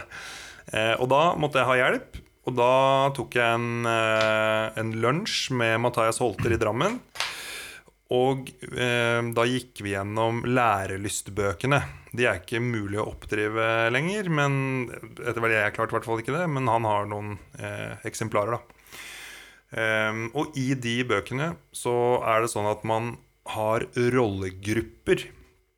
Så det vil si at det er f.eks. fire personer som samarbeider om å styre én rolle. Og så roterer disse fire personene på å være talsperson inn mot fellesskapet. Så det vil si at eh, det, La oss si at det er et klasserom med 4, 8, 12, 16 personer. Eh, De har, eh, de er fordelt på fire grupper da, med hver sin rolle. Og har da hver sin roterende talsperson. Så når da spillederen eh, spør eh, Ja, dette er situasjonen, hva gjør dere? Så er prosedyren, eller prosessen da, at eh, rollegruppene diskuterer litt internt, setter av litt tid til det, før eh, talspersonen snakker inn mot det aktive fellesskapet. Så det er eh, Det funker bra. Jeg har testa det ikke med så store grupper som fire, men jeg har testa det, og da fungerte det. Og jeg har også prata med andre som, eh, som gjør det her i skolen. eh, Som at det funker ganske bra. Hva heter Det var også en annen Christoffersen. Han eh, Storskogmysteriene. Ringer det noen bjeller? Ja, riktig. Ja, ja, Ja, jeg har chatta litt med han eh, angående akkurat det her. Og det, han òg kjører rollespill i skolen, og det, den tilnærmingen funker. Eh, og i tillegg selvfølgelig. Matthias, da. Ja. Så det er, eh, det er løsningen. Det høres veldig kult ut. Kan, kan, vi teste, kan vi teste en strofe av det der nå, eller? Kan jeg og Mikael styre Halte-Maria sammen? Ja, greit. Hvem er også caller, da? Skal du være Ja. caller, Mikael? Skal du være eh, Jeg, kan, roperen? nei, jeg, jeg er ikke så god form at jeg skal rope noe som helst. Jeg. Ok, okay. Eh, Halte-Maria, du har vært og jobba på løkka di oppe i hovet. Og dette er jo en liten sånn jordflekk som er eh, ramma inn av et steingjerde. Og der har du litt rann, eh, korn som du dyrker eh, for en eh, rikere bonde. Så der har du vært og jobba nå. Eh, nå er du på vei tilbake til huset ditt. Eh, for å komme dit så må du gå over en bro som kalles for Nybroa. Der møter du en gruppe barn. De er fattige. De er, har nesten ikke klær på seg. Eh, De ser ut til å sulte. Og frem går ei lita pike med store blå øyer. Hun strekker frem en hånd og spør «Eh, Kjære deg, madam, har du noen skilling? Vi er så sultne. Hva gjør dere? Ok, Mikael, nå må vi diskutere, da. Hva, hva, hva, hva, Ja, ja. hva har du lyst til? Nei, men så ha, Vi er jo øh, lutfattige sjøl, er vi ikke det? Så vi, Vi er jo det. er jo det. Dere kan, eh, Halte dere Maria, kan trille hun- en uh, D6 og se hvor mange skilling dere har. da Ja, gjør det. Jeg har to. Vi har to skilling. Men eh, jeg tror jo Jeg tenker hun halte ja, men hun Halte-Maria hun, hun er jo lei av at folk driver og går rundt og reker rundt i gatene. Hun er jo, Jeg tror ikke hun er litt sånn derre Må skaffe deg en arbeid. Kan ikke gå her og, og trå. Tenker jeg, da. Du kan ikke bare si det er fisk i elva? Ja, ikke sant? Ja, Vi var enige, vi, da. Da, kan, da må du calle ut det, da. Ok, lærer. Vi roper ut 'Det er fisk i elva! Flytt deg!' Er det sånn det funker? Eh, Ja, det er jo akkurat som det her. Så det, det ble jo veldig, veldig artig. Og da er det bare at man legger inn en Istedenfor at det går direkte på respons fra spilleren, så legger man en liten sånn diskusjonsfase i, i rollegruppa. Så det er klart Hvis du tenker speed, eller å komme til målet fortest mulig, så er det jo et forsinkende ledd, men, men hvis man dyrker prosessen, så er det jo mye artig samspill som skjer i, i akkurat det der eh, rollegruppesamspillet, da. Så Ja, kjempekult. Ja, Mye god diskusjon på basen. Yes, akkurat. Og så er det samarbeid. øh, De må, de må som samarbeide i en liten gruppe, de òg, ikke sant? Og så Ja, det er fint, det. Og da, da, da bytter de på å rulle terning òg, eller? Eh, ja, det er den, ja, det er i utgangspunktet den som Ja, det har jeg ikke skrevet noe om, faktisk. Det er jo et eh, svart hull i, i boka. Sånn sett. Jeg, bare, jeg tenkte at jeg bare Jeg- antatt jeg de- at den, en eller annen ruller, eller den som er talsperson, ruller, eller så finner de ut av det. Det ordner seg, det. Det går sikkert helt fint. Ja. Nei, men jeg, jeg, det er morsomt nå, fordi at jeg har eh, det, Mitt første møte med noe rollespillaktig var at jeg gikk eh, Snubla inn i en eh, klasse over meg. Og da, da spilte de den derre Skatten i monsterfjellet med Overhead. Og da satt de fire stykker i Altså fire grupper. Og så kunne de bestemme liksom handlinger, da. Eh, men det betyr liksom eh, Akkurat på den måten her, da. Men da var det bare den, den hovedpersonen i boka man styrte, da, men likevel, det var jo en liksom Jeg var inne der fem sekunder, og så var det sånn Dette! Dette er greia! Fett. Og siden har du ikke sett deg tilbake, Mikael. Nei. Altså, det er jo et øh, ja, Det her med å ha en talsperson eller en caller, det er jo Det er jo ikke noe på en måte banebrytende på den måten, men det er allikevel likevel ikke så utbredt. da At det er helt, kanskje ikke like vanlig å spille med sånne store grupper. Så jeg trengte i hvert fall hjelp til innledningsvis til å klare å tenke ut at det var en måte å, å spille på. Mm. Eh, Så det setter jeg veldig pris på.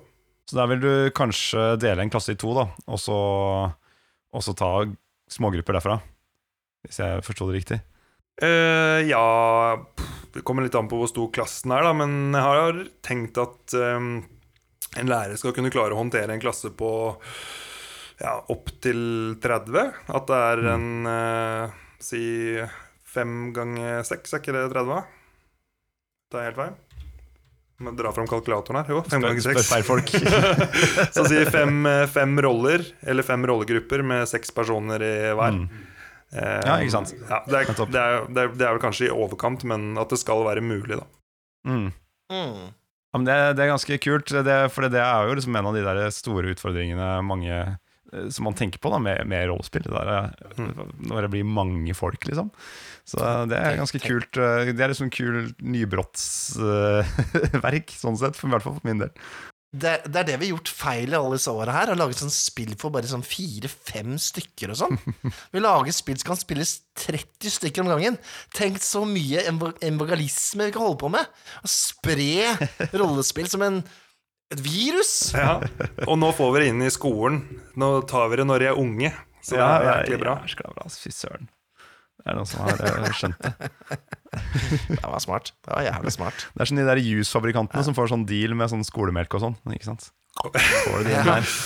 Ja, Vi går fra si, Big Pharma til Big Food til Big RPG. Yes! Mm. Men, Det er sånn det skal gjøres.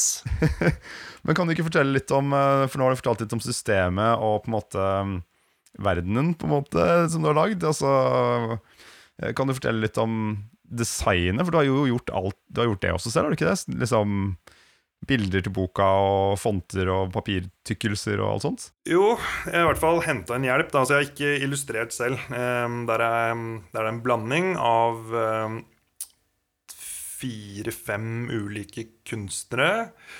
Ehm, så der har jeg rett og slett tatt uh, kontakt med de jeg tenkte kunne passe da, til boka. Der ser jeg at det er noen som har gjort illustrasjoner om Kongsberg spesifikt i andre verker tidligere. Noen uh, eksternt, og andre som er fra Kongsberg. Um, og så har jeg spurt de da om, de om jeg kunne rett og slett kjøpe kunst fra de. Uh, og i tillegg så Det kartet har jo broren min, eh, Geir Sæterbakken het han. Eh, tegna for hånd. Eh, digitalt, vel å merke, men altså håndtegna digitalt. Eh, med noen originale grunnriss fra 1700-tallet som utgangspunkt. da eh, Så det er jo veldig kult. Um, så det Veldig fint kart. Jeg har fått, uh, fikk jo se det her da vi var, møttes på en konspilling. Veldig Stemmer. kult. Ja, jeg er veldig fornøyd med det. Så det er en ganske sånn god kopi av hvordan det faktisk var. Ehm, så det kom på Ja, det var kunsten. Det kom på var det rundt 30 000, tror jeg, brukt på kunst da, til det prosjektet her. På de forskjellige aktørene, sånn sett. Eh, når det gjelder litt mer om produksjonen, så har jeg gått for størrelse B5, som er mellom A5 og A4. Um, det havna på 176 sider sånn innholdsmessig, og så eh, trenger vi kanskje ikke gå helt inn i sånn papirtykkelses Jo, fagdiskusjon. jo, jo! Nerd ut! Nerd ut! Det er en nerdepodkast! Ja. Det er sikkert folk der hjemme som sitter bare ah. Nei, det, ble, det havna på 115 grams matt bestrøket papir, og det er jeg veldig, jeg er veldig fornøyd med. Da blir det veldig liten sånn gjennomsiktighet hvis man ser på siden og ser gjennom. eh, Og føles det, er, det føles ut som det har litt tyngde i hånda. Eh, Standard hos eh, lasertrykk som jeg brukte til å trykke boka, det var eh, ja, 90 gram, tror jeg. 90 grams papir. Jeg kan garantere at det er én lytter som fikk orgasme nå. Én av lytterne våre fikk orgasme. Ja, Ok, Definitivt. Noen av det være. Jeg vet ikke hvem det er, men det er garantert én. Ja, ja, det må være noen. Det fins jo sånne bøker som man kan få med bare masse forskjellige papirteksturer, papirtykkelser og glanset papir, ubestrøket, ikke sant? Som for å kunne teste, så man kan velge, da. Sånn en bok er jo, det er jo noe for en eh, papirelsker å, å sette seg ned med en søndagskveld. Ja, og så har jeg valgt eh, ja, noen fonter, kan jeg jo bare si. Altså det er eh, sånn um, Deutsch Gothic som primærfont. Jeg hadde en, en annen som het Old London innledningsvis, men den var litt vanskelig å lese. Den så kul ut, men litt vanskelig å lese, så den er kun beholdt på fremsiden av boka, der, der hvor det står sølvhjerte. Men inni boka så har jeg valgt fonter som skal være leselige. At det, det er viktigere med god funksjon enn at det blir sånn at det er vanskelig å lese, rett og slett. Da. Ja. Eh, så da Så ikke noe jeg mørk borg her, altså. ja, Var det ikke over 100 forskjellige fonter eller noe sånt? Ja. Oh, ja, det, er, det er en underdrivelse. for sånn. ja, ja, det var helt sjukt. Så mm, ja, Deutsch Gothic og Minion Pro, som er vanlig eh, sånn brødtekst, eh, standardtekst, og så en eh, sånn sitatfont som heter Andada SC. For eh, Da får du skilt litt på de forskjellige elementene i boka. men Det, det tror jeg er fint. Mm, og det, mm, det er liksom et valg som må gjøres, det òg. rett og slett. Hvor, det, hvor, hvor skal man, ja, hva slags fonter skal man bruke, og hvordan skal man uh, formatere teksten. Så det har vært en lærings, det har vært læring i det her også. Du, apropos All sitatblokk. deg, altså. uh, det, det lurer jeg på en ting. Du må jo ha truffet på noen karakterer. For du har, har du intervjua litt folk og sånt òg, eller? Uh, ja, det er absolutt gjort. Uh, intervjua altså de ekte Kongsberg-losene. Det har jeg.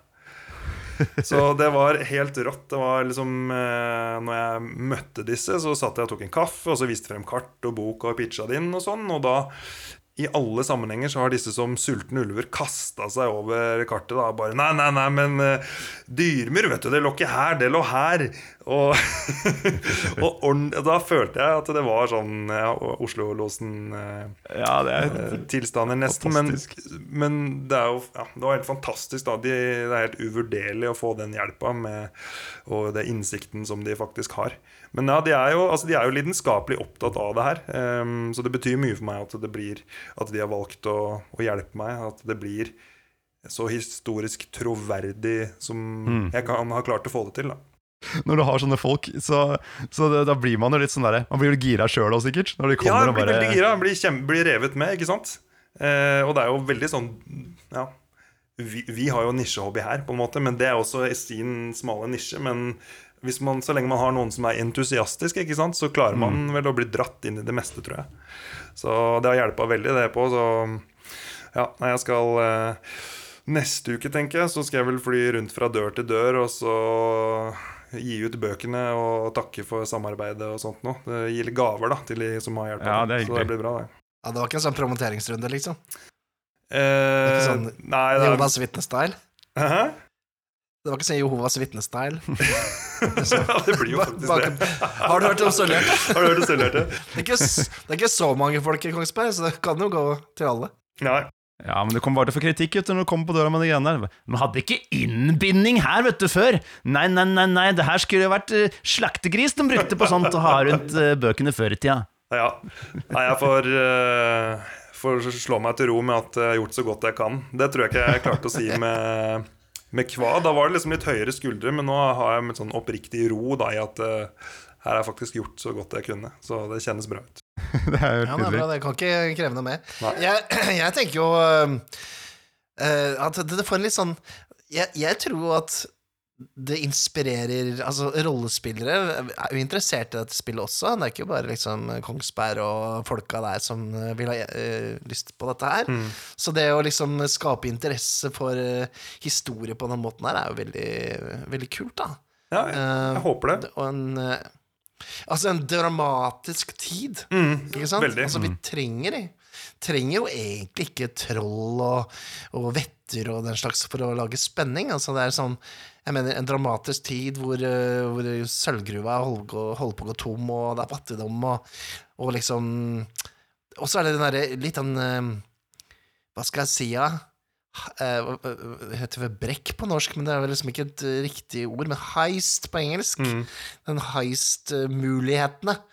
Man går ned i sølvgruva liksom og ta for seg og rømme med masse sølv. Det er jo det er noe spenning der, da. Så jeg tenker jo at eh, det kan slå vel så godt an hos uh, hardbarka rollespillere som eh, skoleelever som eh, skal lære litt. Ja, jeg håper det. Det er, det er det eventyret som jeg rakk å skrive. Det heter jo Dypets kall, og da sier det seg selv at det handler om å, å reise ned i gruvemørket, rett og slett. Ehm, jeg hadde egentlig en plan om å skrive seks eventyr, men det, det fikk jeg ikke tid til, rett og slett. Så da må jeg nok gjøre som dere, og så lage en eventyrbok, tenker jeg. At det blir en slags ja. eh, en sånn tilleggspakke eventuelt. da Eh, Så det har jeg faktisk tenkt litt på og prøve å gjøre alvor ut av. Men eh, det klarer jeg ikke før Det blir ikke ferdig før til eh, sommeren, tenker jeg. Eller noe sånt. Det er nok smart å ikke ha det med i liksom, tidsfristen du allerede satt deg. Mm. Bare legge til en eventyrbok. Nei, nei, nei, det er ikke sjans til. Det, det, det anbefales ikke. Dette kommer fra det, det er mulig. eh, Det er Det kommer fra han fyren som eh, skrev i en sånn bisetning mens han skulle sette opp sånne der, eh, delmål. Bare Ja. Og så slenger de med et ekstra eventyr i den der spillede skjermen. Ja, den er snart ferdig. Den er snart ferdig. Ja. Nei, fy fader. Bare sånne småting. Det tar veldig mye tid, altså. Ja, det gjør det. Så det, gjør det. Men, er det, men, men du liksom sitter ikke igjen og er eh, utbrent og liksom ferdig med, med alt rollespill etter dette her? Det er liksom det fortsatt gnist igjen i deg ja, etter alt dette her? Det er det. Det er fortsatt gnist, men jeg har hatt en i, i den her venteperioden nå, da, så har jeg også hatt en sånn hvileperiode. For det har, altså, det har vært knallhardt. Det har det. Jeg, har, jeg sprengte budsjettet med timer, så jeg røyk på vel 600 timer ca. istedenfor de planlagte 400. Ai, ai, ai. Um, og så uh, jobba jeg da i ja, Hvis vi runder opp til ca. 15 måneder da, fra jeg var inne hos, på det møtet hos kommunen, til um, jeg hadde fått godkjent alle filene til trykk hos eh, Lasertrykk. Det gikk i ca. 15 måneder. Og Hvis jeg da bare drar opp kalkulatoren her, og så deler 600 timer på 15 måneder, så er det 40 timer i måneden i snitt da, eh, gjennom disse 15 månedene. Og så er jeg jo en jeg, altså jeg har vanlig jobb, ikke sant? Jeg er familiefar. Og da er det ikke så mange timer igjen i døgnet.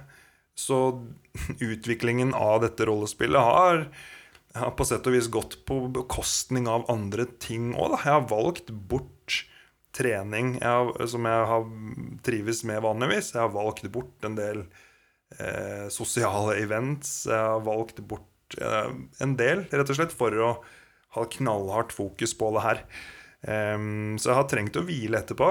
Jeg har det. Og poenget er vel egentlig bare at det, det er fortsatt gnist i meg, men det har også kosta litt da, å kjøre såpass hardt på over eh, et drøyt år.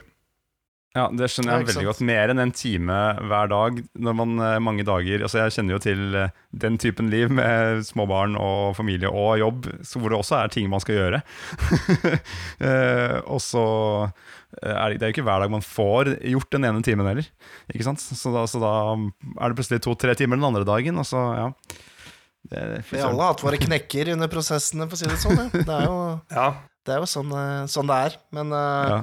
men det er bra du Jeg Tenker du likevel har tatt uh, Altså, du har jo planlagt dette her. Du har jo uh, på en måte satt inn en form for uh, Hva skal jeg si realistisk mål likevel, da, virker det som, da, for meg, da, som det er mange som tror Mange som straffer seg sjøl fordi man ikke jobber, for eksempel, eller altså man, man henger seg opp i sånne type ting, da, så jeg vet ikke Det virker i hvert fall som du, du er fatta likevel, ja. så det, det er bra. Nei, jeg hadde jo Altså, prosjektet eskalerte jo også underveis. Det blei jo skikkelig sånn uh, scope creep, som det heter så fint. At jeg hadde egentlig planlagt 30-50 sider. Det var jo det jeg pitcha inn. Uh, et, mer et, heft, Mm. et hefte var det jeg pitcha inn innledningsvis. Og så blei det jo bare en bok, da, plutselig. så det er jo delvis selvforskyldt, men eh, når man bare skal ha med ditt og bare skal ha med datt. ja. Så skal man gjøre det ordentlig, føler man. Og så blir det Ja. Så jeg får, eh, får lære litt av det også, da. Men eh, veldig fin erfaring og veldig fin prosess. Så jeg har vært veldig takknemlig Mm. for, å kunne, for å kunne gjøre det her, da. Uh, så da er det jo Ja, det kan jeg også bare nevne. Snakka om det innledningsvis, at eh, jeg skrev noen avtaler med kommunen og sånn, og da eh, har jeg fått eh, 50 000 i utviklingskostnader i første omgang av Kongsberg kommune. At de stilte med det som, ja, som jeg kunne bruke som jeg ville. Men da gikk jo det til kunst og kalle InDesign-lisens og eh, diverse sånn. Og så hadde de også en del to i avtalen hvor de sikra innkjøp av sølvhjerter for opp til 100 000. Og det blei ikke fullt 100 000, men eh, vi havna på at de kjøpte inn for 62 000, da. Som en forhåndsbestilling av eh, 50 komplette klassesett pluss noen digitale artikler og sånn. Til eh, Mm. 62. Ja. Så mm, kommunen har vært eh, veldig, sånn, føler jeg, da, rause. Eh, og det skaper jo også et litt sånn positivt press på å levere når det er det er, det er på ordentlig, på en måte. Eller at de, de skaper, skaper et visst sånn ja, krav, da. Men, men på en fin måte. Men nå vet jo du at det er ganske mye sølv i safen inne i kommunen der, da. Ja, det er sant. Jeg burde egentlig fått betalt inn noen sølvstuffer, faktisk, når jeg tenker meg om, så jeg skal ta og reforhandle den der kontrakta. Så der kommer jo ordforrådet inn med en gang. Sølvstuffer, aldri hørt. Stuffer, jeg bare sånn Ja, jeg hadde visst sagt klumper eller noe sånt, men Ja. stufer stuffer er greit. En Krystallisert uh, sølv, eller sånn trådsølv. Mm. Åh, kult. Når er det spillet kommer ut for oss vanlige dødelige, da? Ja, det er lansering 28. februar, så det er ikke så veldig Ja, lenge er ikke lenge til. Da skal det lanseres eh, på Kongsbergmarken, som er en tradisjon tilbake fra 1600-tallet. Så da skal jeg på eh, scenen der og ha bokbad klokka ett. Så da er det Eller så skal jeg stå i en sånn stand på Marken hele dagen da, og selge bøker eh, fra det teltet. Så det blir bra.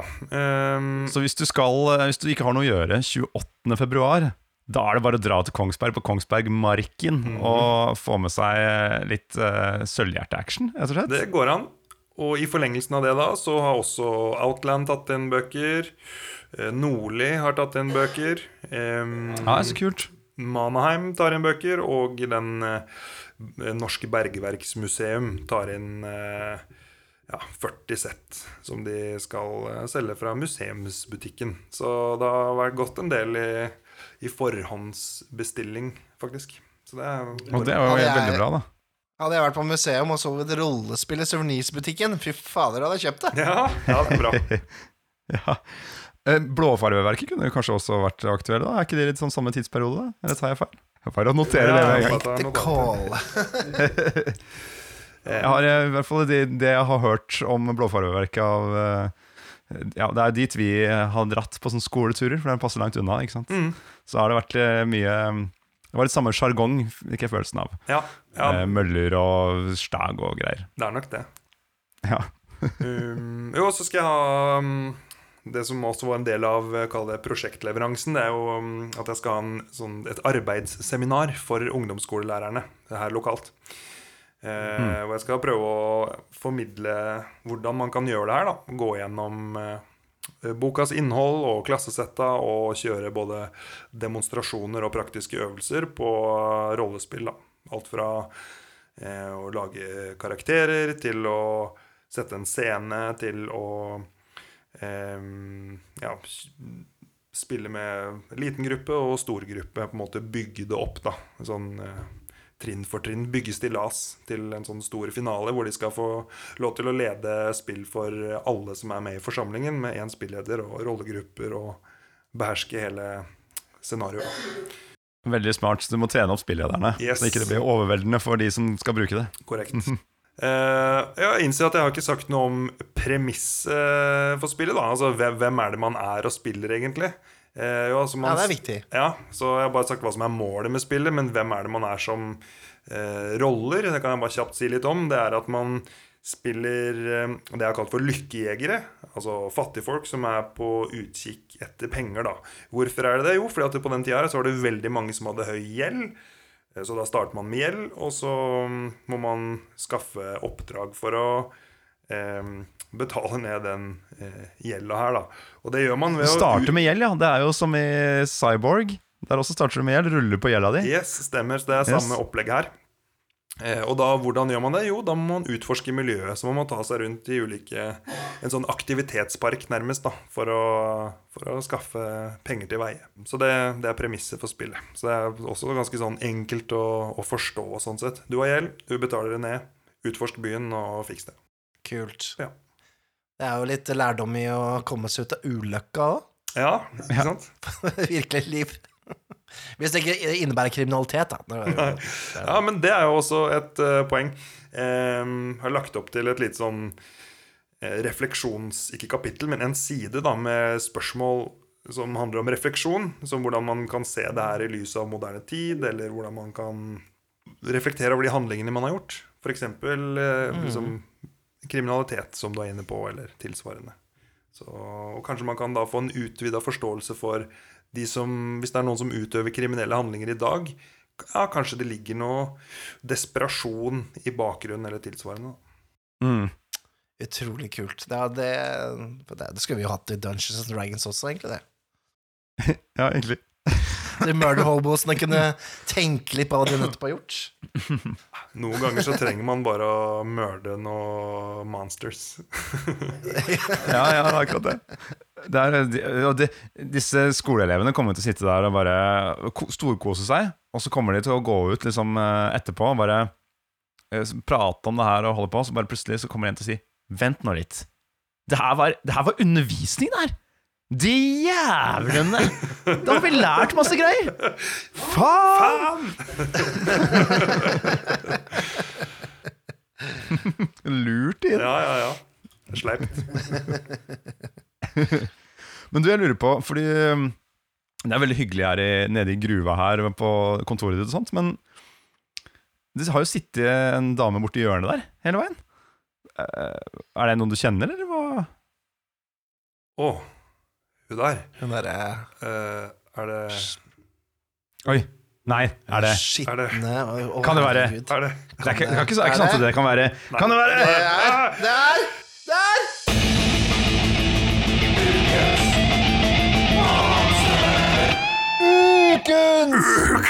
Monster! Monster! Jeg må ta det ufyselig, jeg. Men, du har helt rett, det er jo gruvehuldra. Det er gruvehuldra! Ja. Ja, det er hulder for gruva òg. Ja, det er det, vet du. Fordi um, hun er jo, som du kan se, da, en utrolig vakker skikkelse. Kvinneskikkelse. Og uh, hun har en kuhale på slep, så hun er en ganske sånn klassisk hulderfigur. Men uh, hun er også Det sies jo at det er hun som eier alle disse skattene i fjellet. Og noen ganger så viser hun hvor eh, skattene befinner seg, og andre ganger så, eh, så finner hun på ugreie saker. Eksempel så er det sånn at man ikke skal banne eller plystre ned i gruva. Og hvis man gjør det, da kan det begynne å skje ting. For eksempel hvis man da hører en hane som galer, så er det gruvehuldra som eh, lager den lyden og varsler om ulykke. Hvis hun viser seg i hvit kjole, så er det en mindre ulykke på ferde. Og hvis hun viser seg i svart kjole, da kommer det en alvorlig eller dødsulykke til å skje i veldig snart. Så jeg vet ikke åssen kjole er det du har på seg igjen her nå? den var svart. Nei, er den Den er svart? svart. Fader. Ja, den er svart. Så, Det det, er det det. er det, Beklager, det, det Hun er ikke halte-Maria. dragepust. Hun, hun sliter. Det er Sølvhjertet som skal lanseres først, så bad luck, det, altså. Ja. Nei da. Men, eh, men eh, det, er, det er jo ikke bare fantasiene til kåte gruvearbeidere. Der, Altså. Det er, det var, eller er det som formennene som lagde dette for at folk ikke skulle plystre og sånn, for det var irriterende? Det veit jeg ikke, men det er nå en myte eller et sagn som har levd i beste velgående siden, eh, siden den tiden. Så det er visst en del av den der folketroen, da, eller, eller overtroen. Um, det kan godt kunne være et sånt kontrollverktøy òg, men det hørtes jo for så vidt kjent ut fra andre institusjoner. Kynisk blitt. Ja, men Så- hallo. Selvfølgelig. Altså, han derre formannen, eller vaktmesteren, holdt jeg på å si, nede i gruva der, han bare Så kommer det unge jyplinger og skal grave sølv, og de vil plystrer og lager bråk. Da kommer jo han og sier sånn derre Ja, du, bare fortsett å plystre. Det var Ja. en som het Anders som jobba her. Plystra. Kom gruvehuldra. sier har ingen sett den. Så sånn er det. Ja. ja men det er legit, det. Så sprer det seg, da. Så blir det frykt ut av det. Det er jo litt gøy å og Nå må jeg tenke litt sånn Siden vi har denne Ukens monster-spalten, da, så tenker jeg hvordan kan vi bruke gruvhuldra i rollespill? Altså, det brukes vel i Sølvhjertet. Det er vel et element på et eller annet vis der. Mm. Men uh, kan vi bruke det andre steder? Altså, det, er jo, det er jo spennende med sånne uh, folkehorrors. Som eh, lokker og varsler og volder ulykke hvis man bryter med prinsipper eh, som gjelder for det området man er i. Da. Det er ganske spennende. Mm. Mm. Ja, du har, fått, du har fått noen varsler på forhånd om hva som gjelder eh, i dette området. Og så kan du få litt straff hvis- av eh, gruvehuldra, rett og slett. Mm. Kan du sette opp et dilemma der, da? Hva, hva var det du ikke skulle gjøre? Du skulle ikke plystre, og du skulle ikke Banne. Banne, nei. Mm.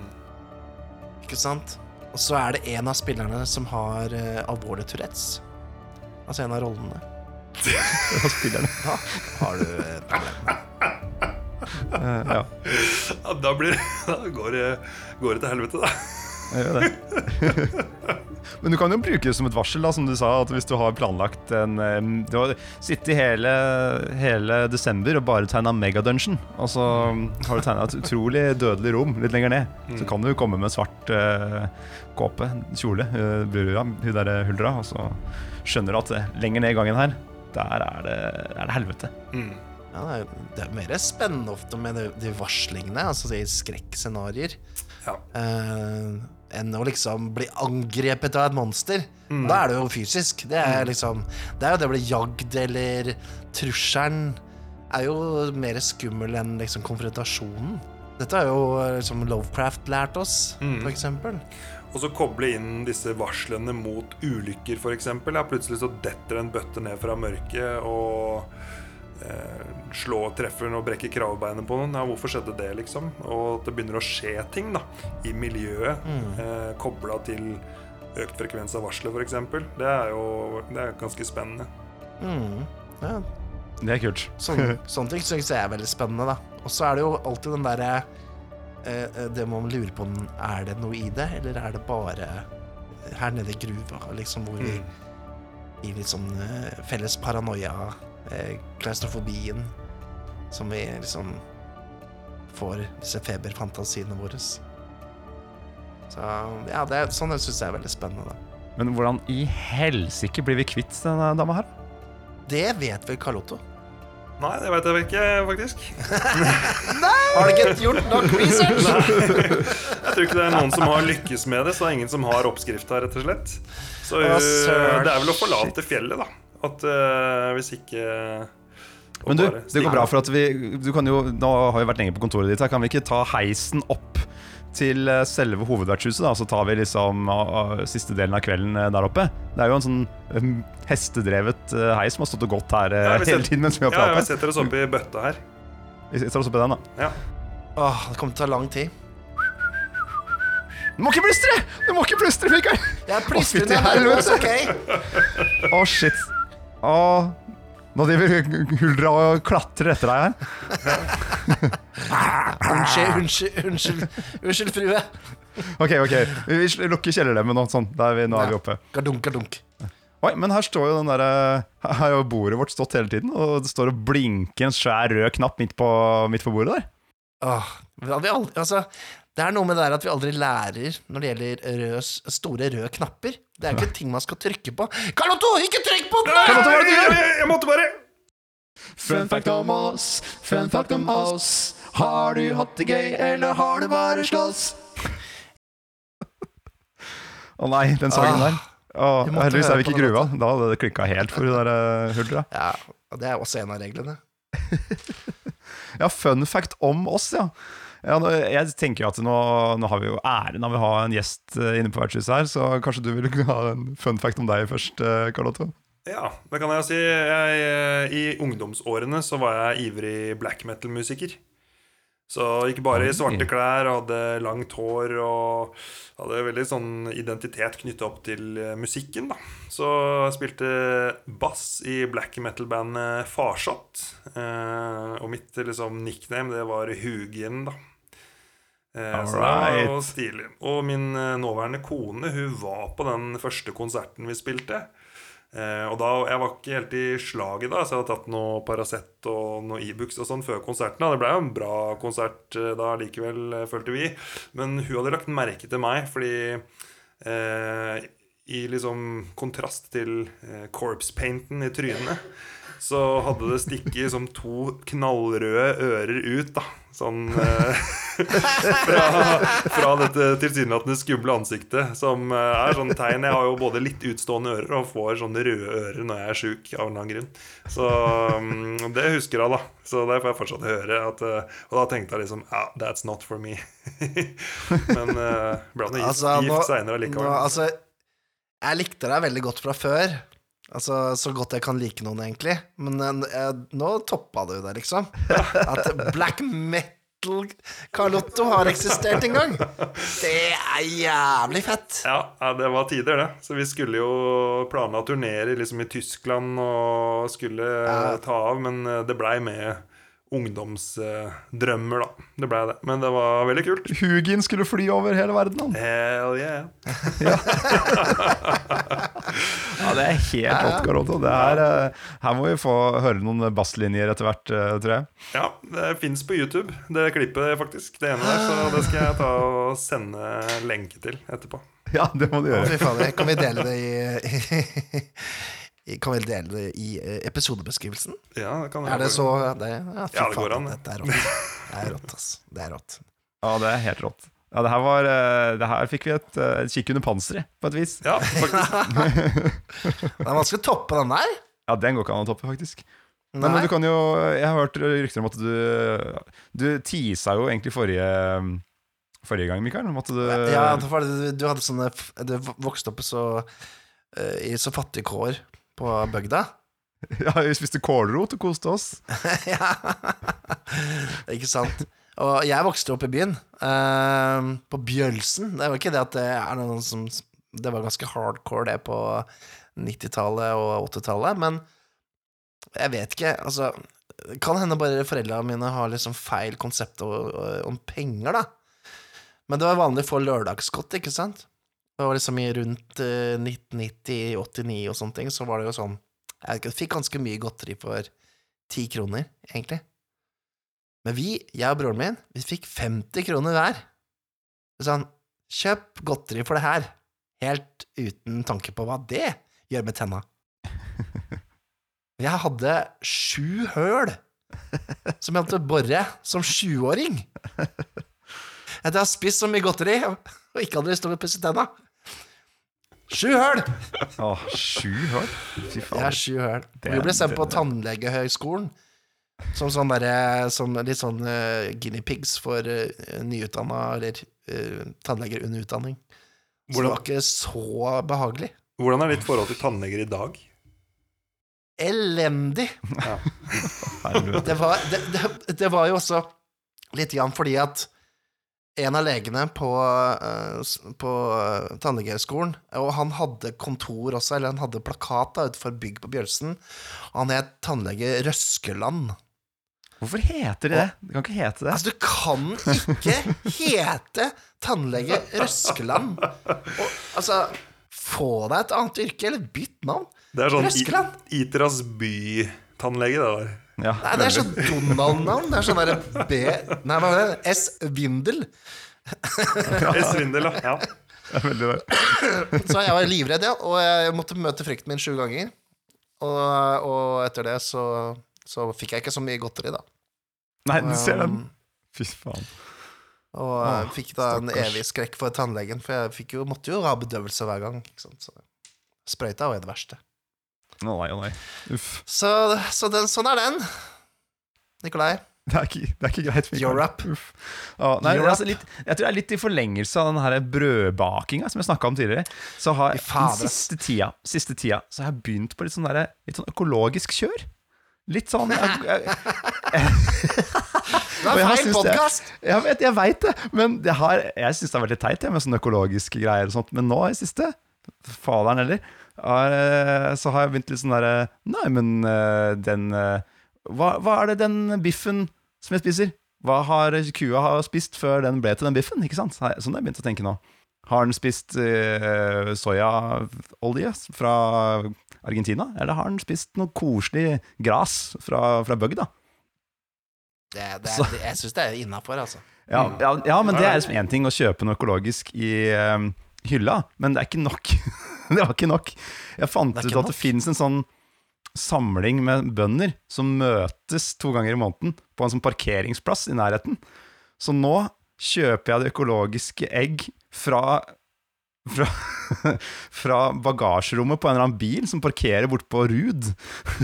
Reko-ringen, er det det? Reko-ringen, da! Reko-ringen, Helt riktig. Så står det på rad og rekker masse biler med bagasjerommet på vidåpent. Og så er det en som står der og «Ja, Har du noe honning? Har du som helst på noe honning? Er det økologisk honning her?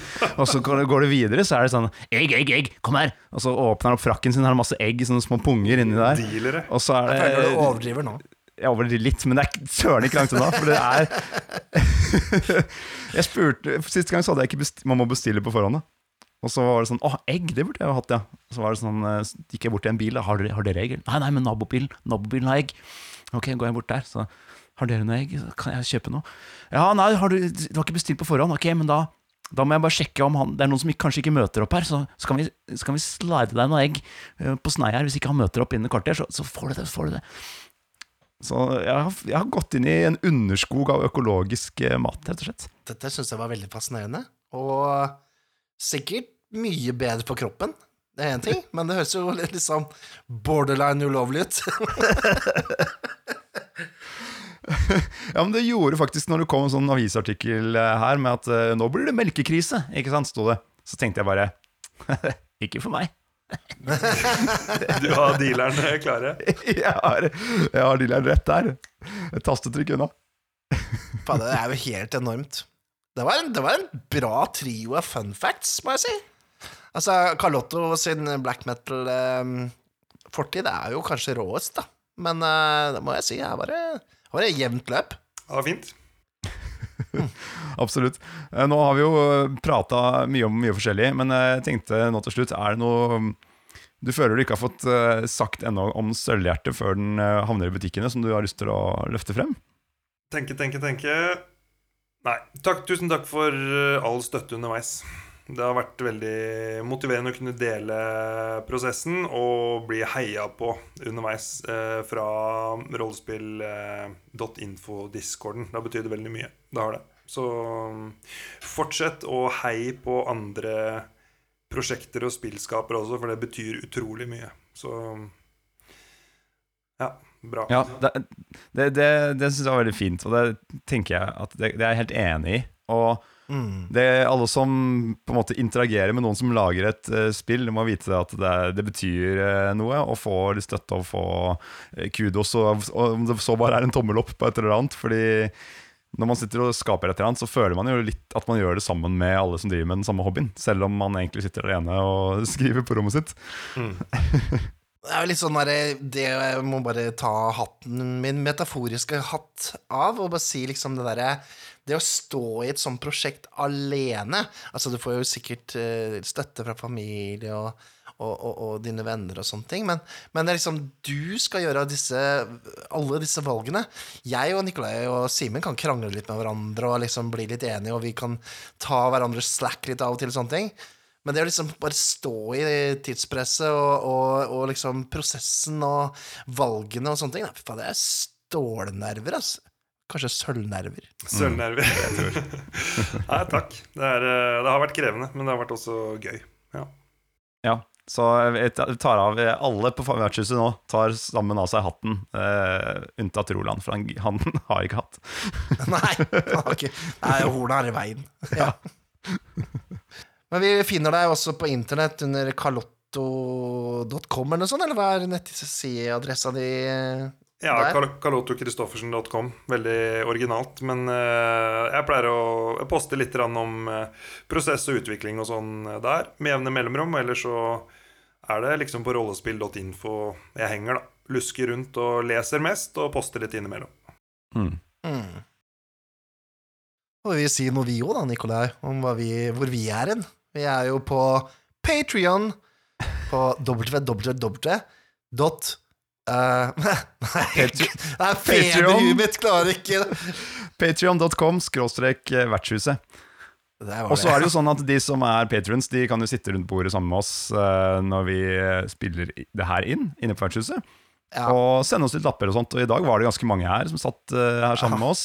Vi fikk ikke sendt så mye uh, små kudos til dere som vi pleier, men blant annet Tegne-Thomas uh, Celius Saldivar Petersen skrev jo inn at eh, ja, gruvearbeid er hardt, når du forklarte om eh, disse timene du hadde lagt inn her. Um, Og vi kan nevne at Åsum Esel og Mikael og Anders og Pelle også har vært innom her og sittet og, sittet og hørt litt. At de, de tok eh, De spanta seg ned, eller hva de kalte det for noe, ned i gruva her for å, for å sitte litt rundt bordet. Og det er noe man kan gjøre når man er, eh, når man er patron, da. Da, ja, da er, det jo, da er det jo egentlig eh, bare å la Roland spille noen rytmer. Nå sitter faktisk Gruvehuldra der sammen med han eh, borte ved harpsikorden der. Og, så nå skal de spille duett. Det her blir jo helt rått. Ser ut som de er litt romantiske, egentlig. Ja. Æsj! Hei, titta inte på meg mens jeg gjør mine moves, Mikael. Lysne på den här.